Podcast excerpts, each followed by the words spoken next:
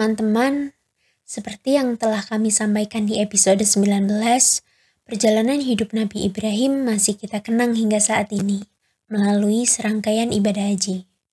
Semoga kamu belum bosan menyimak kisah Nabi Ibrahim ya, karena ini merupakan rangkaian terakhir dari serial kisah Nabi Ibrahim. Labbaik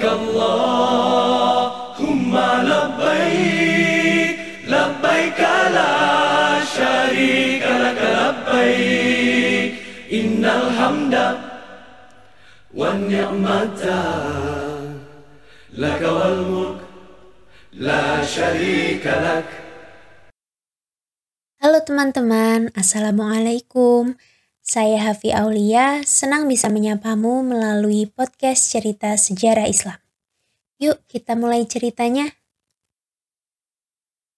Ketika melakukan ibadah haji, seorang muslim harus melakukan sa'i, melempar jumroh, serta mempersembahkan kurban. Ternyata, ketiga kegiatan ini ada hubungannya dengan kisah Nabi Ibrahim loh. Yuk kita kupas satu persatu.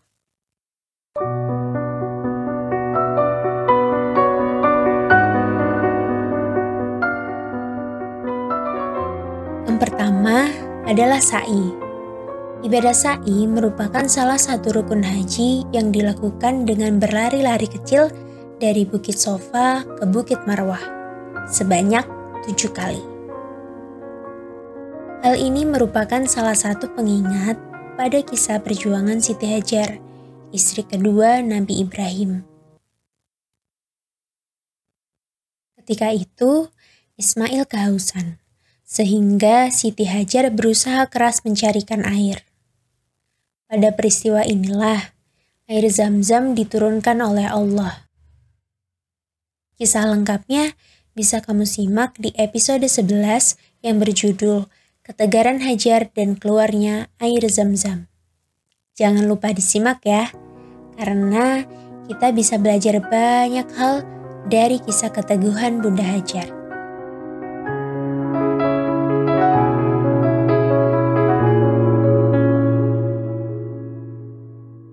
Yang kedua adalah kegiatan melempar jumroh. Hukum melempar jumroh dalam ibadah haji adalah wajib. Jumroh sendiri merupakan nama sebuah tiang batu besar yang berada di Mekah. Melempar jumroh maksudnya adalah melempari tiang batu besar dengan kerikil-kerikil kecil. Sebenarnya, melempar jumroh bukanlah perkara melempar batu dan mengenai tugu Hal ini ternyata adalah simbolisasi umat Islam dalam melawan setan. Karena seperti yang kita ketahui bersama, setan adalah musuh utama manusia. Kegiatan melempar jumroh ini tentu saja meniru hal yang dulu dilakukan oleh Nabi Ibrahim. Namun, ketika itu Nabi Ibrahim tidak melempar kerikil pada tugu batu, tapi pada syaiton yang mengganggunya. Ceritanya begini.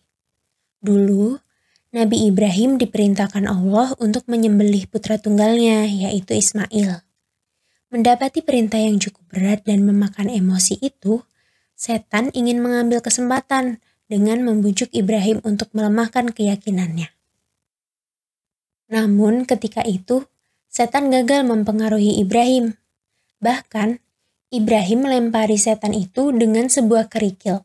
Lantas, menghilanglah setan itu. Tak lama kemudian, setan muncul lagi di tempat berbeda dengan ukuran yang lebih kecil lagi. Ibrahim tentu saja tetap teguh menaati perintah Tuhannya. Lagi-lagi Ibrahim melempar kerikil pada setan itu hingga si setan menghilang. Kejadian itu terulang hingga tiga kali.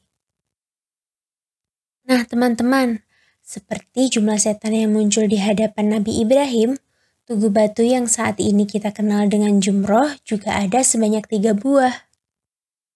Secara berurutan, tugu tersebut bernama Ulah, Wusto, dan Akobah.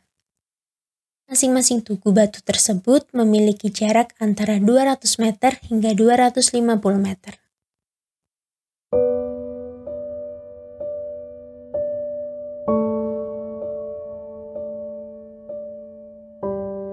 Yang ketiga adalah mempersembahkan kurban. Teman-teman, perintah kurban yang diturunkan Allah pada Ibrahim menjadi cobaan yang amat sangat berat. Bayangkan saja, Allah meminta Ibrahim untuk mempersembahkan Ismail. Bayangkan saja bagaimana perasaan ayah yang harus menyembelih putranya sendiri. Kisah penyembelihan ini bisa kamu simak di episode 15 yang berjudul Penyembelihan Ismail dan Asal-Usul Kurban. Pada kisah ini pun kita akan belajar banyak dari keyakinan dan kerelaan. Jangan lupa disimak ya.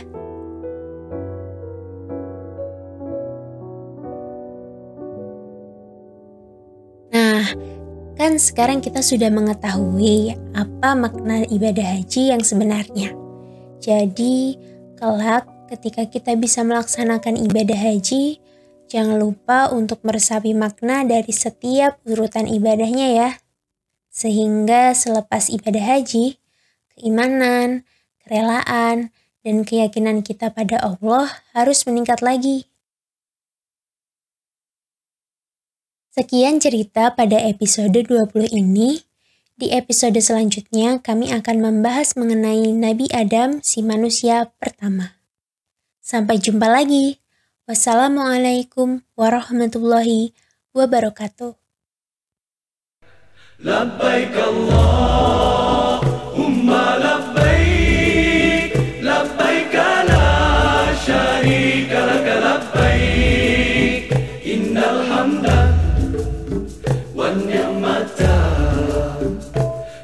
لك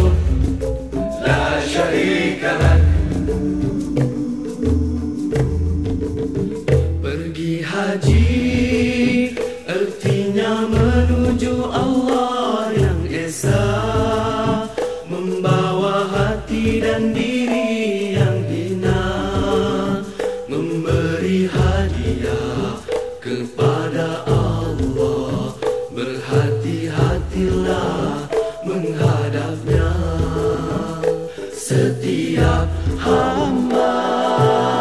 Pergi haji dengan segala yang baik hati yang baik akhlak yang baik harta yang halal hati yang bersih niat yang suci